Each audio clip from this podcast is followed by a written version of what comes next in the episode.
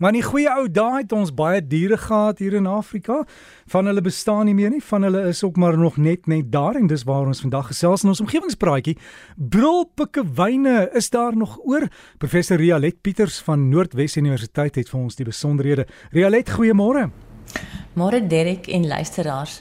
Vandag se praatjie is grootendeels uit 'n onlangse bydrae deur Leonie Joubert wat 17 Oktober hierdie jaar aanlyn op Mongabay verskyn het. Mongabay is 'n nuwe winsgewende nuusdiens met 'n bewaringsoogmerk. Die bril, die bedreigde brilpikkewyn in Engels bekend as die African penguin of die jackass penguin, Spheniscus demersus, kan binne die volgende 10 jaar heeltemal uitgesterf het in natuurlike habitats en sal, sal hulle net in dieretuine nog bestaan. Een van die hoofoorsake wat die pikkewyne se voortbestaan bedreig, is dat hulle kos minder en minder beskikbaar word. Hulle voed op skole ansjovis en sardyne en hierdie visse word ook deur die mens benut. Brilpikkewyne is die enigste endemiese pikkewynspesies in Afrika en hulle getalle het byna met 'n 3 kwart gedaal sedert 1991 volgens 'n sensus van die voëls wat in 2021 gedoen is. Daar is nagenoeg 10000 broeipare oor in vergelyking met die miljoen 'n 100 jaar gelede en kan hulle teen 2035 funksioneel uitgesterf wees as die huidige afname van 8% per jaar van die voëlbevolking onveranderd bly. Hierdie skatting is gedoen deur die Departement Bosbou, Vissery en Omgewingsake en is gebaseer op gereelde monitering van die pikkewynbevolkings. Die brilpikkewyne moet met kommersiële saknetvisserye kompeteer vir vis in oseane waarvan die voorraad aan die afneem is as gevolg van globale globale verwarming en klimaatsverandering. In 'n poging om die brilpikkewyne te probeer red, het die Suid-Afrikaanse Omgewingsministerie op 4 Augustus 2023 aangekondig dat die vername broeikolonies se voedingsareas teen kommersiële visvang beskerm sal word vanaf 15 Januarie 2024 vir die volgende 10 jaar. Hierdie verbod op visvang in die voedingsareas van die brilpikkewyne sal heeljaar geld en nie net vir sekere seisoene soos wat die visindustrie versoek het nie. Hierdie reëling sal die volwasse voëls toelaat om genoeg te vreet voor die aanbreek van die 3 weke ververingstydperk wanneer hulle nie voed nie en van vetstore in die liggaam afhanklik is vir oorlewing. Dit sal dit ook makliker maak vir die ouers om kos vir die kuikens te bekom deur die hele jaar.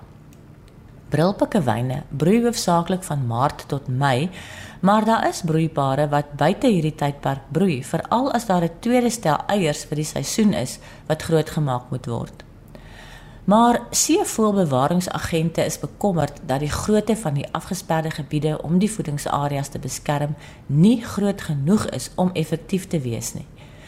Minister Barbara Krisi het toesig gehou oor die konsultasie wat moes plaasvind tussen die seevoëlbewaarders en die visindustrie maar die uitgerekte proses het vasgehak en met tyd wat aan die uitloop is vir die pikkewyne, het die minister in 2022 'n tydelike visvangverbod op gebiede geplaas wat 6 van die belangrikste broeikolonies ingesluit het.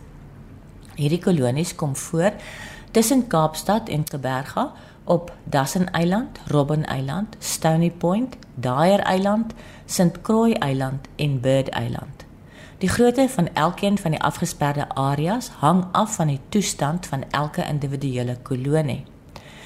In Desember 2022 het die minister 'n onafhanklike paneel van internasionale eksperts aangestel om die impas tussen die kommersiële vissers en die bewaringsagentskappe op te los.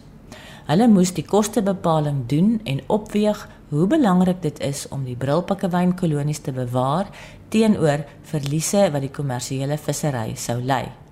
En in Julie hierdie jaar het die ekspertpaneel aanbeveel dat enige afsperring van die voedingsareas rondom die broeikolonies vir 6 tot 10 jaar gehandhaaf moet word en dit moet heeljaar geldig wees en die brilpikke wyngetalle moet deurgaans gemonitor word om vas te stel of hierdie maatreël die gewenste uitwerking het. En dis in reaksie op hierdie aanbeveling dat minister Krisi aanbeveel het dat die voedingsareas van 15 Januarie 2024 afgesper moet word en dat hierdie reëling sal geld tot einde 2033. Teen 2030 sal hierdie reëling weer onder die loep geneem word. Alistair McInnes, wat die programbestuurder vir seevoëlbewaring van BirdLife Suid-Afrika is, is van mening dat sommige van die areas te klein is en skaars die helfte van die grootte is wat die brilpikkewyne benodig om hulle prooi te vang. En een van die ander bewaringsorganisasies, soos die Suider-Afrikaanse Stichting vir die Bewaring van Kusvoëls, in Engels beter bekend as SANCOP, se navorsingsbestuurder Katrine Ludinia, is ook van mening dat hierdie gebiede te klein is.